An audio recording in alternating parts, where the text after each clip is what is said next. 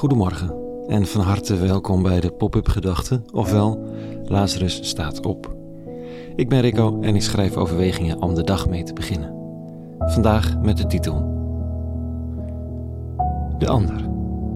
Pop-up Gedachten donderdag 14 april 2022. Het is Witte Donderdag vandaag, zoals het heet, de dag voor Goede Vrijdag.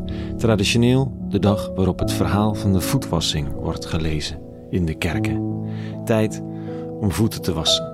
Niet je eigen, maar die van de ander. Of ze te laten wassen. Zo niet letterlijk, dan toch wel figuurlijk.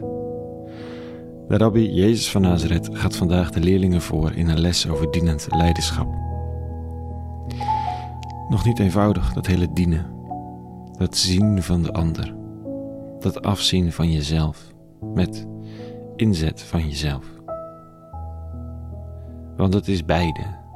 Het is niet jezelf wegcijferen, maar de inzet van het zelf met afzien van jezelf en daardoor zelf een rol van betekenis spelen in het leven van de ander.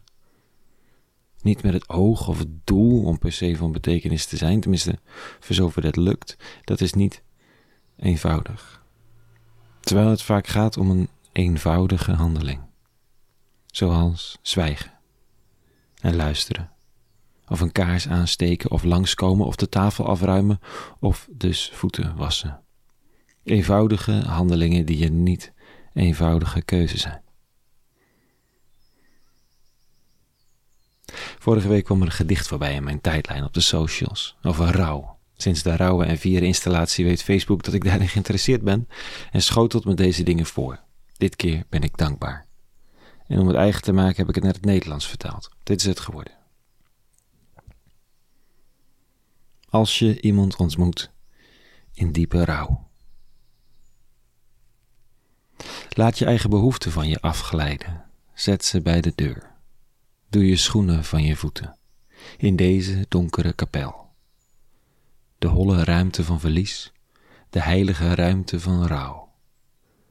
Haar grijze stenen muren en vloer, jij, gemeenschap van één, bent hier om te luisteren, niet om te zingen.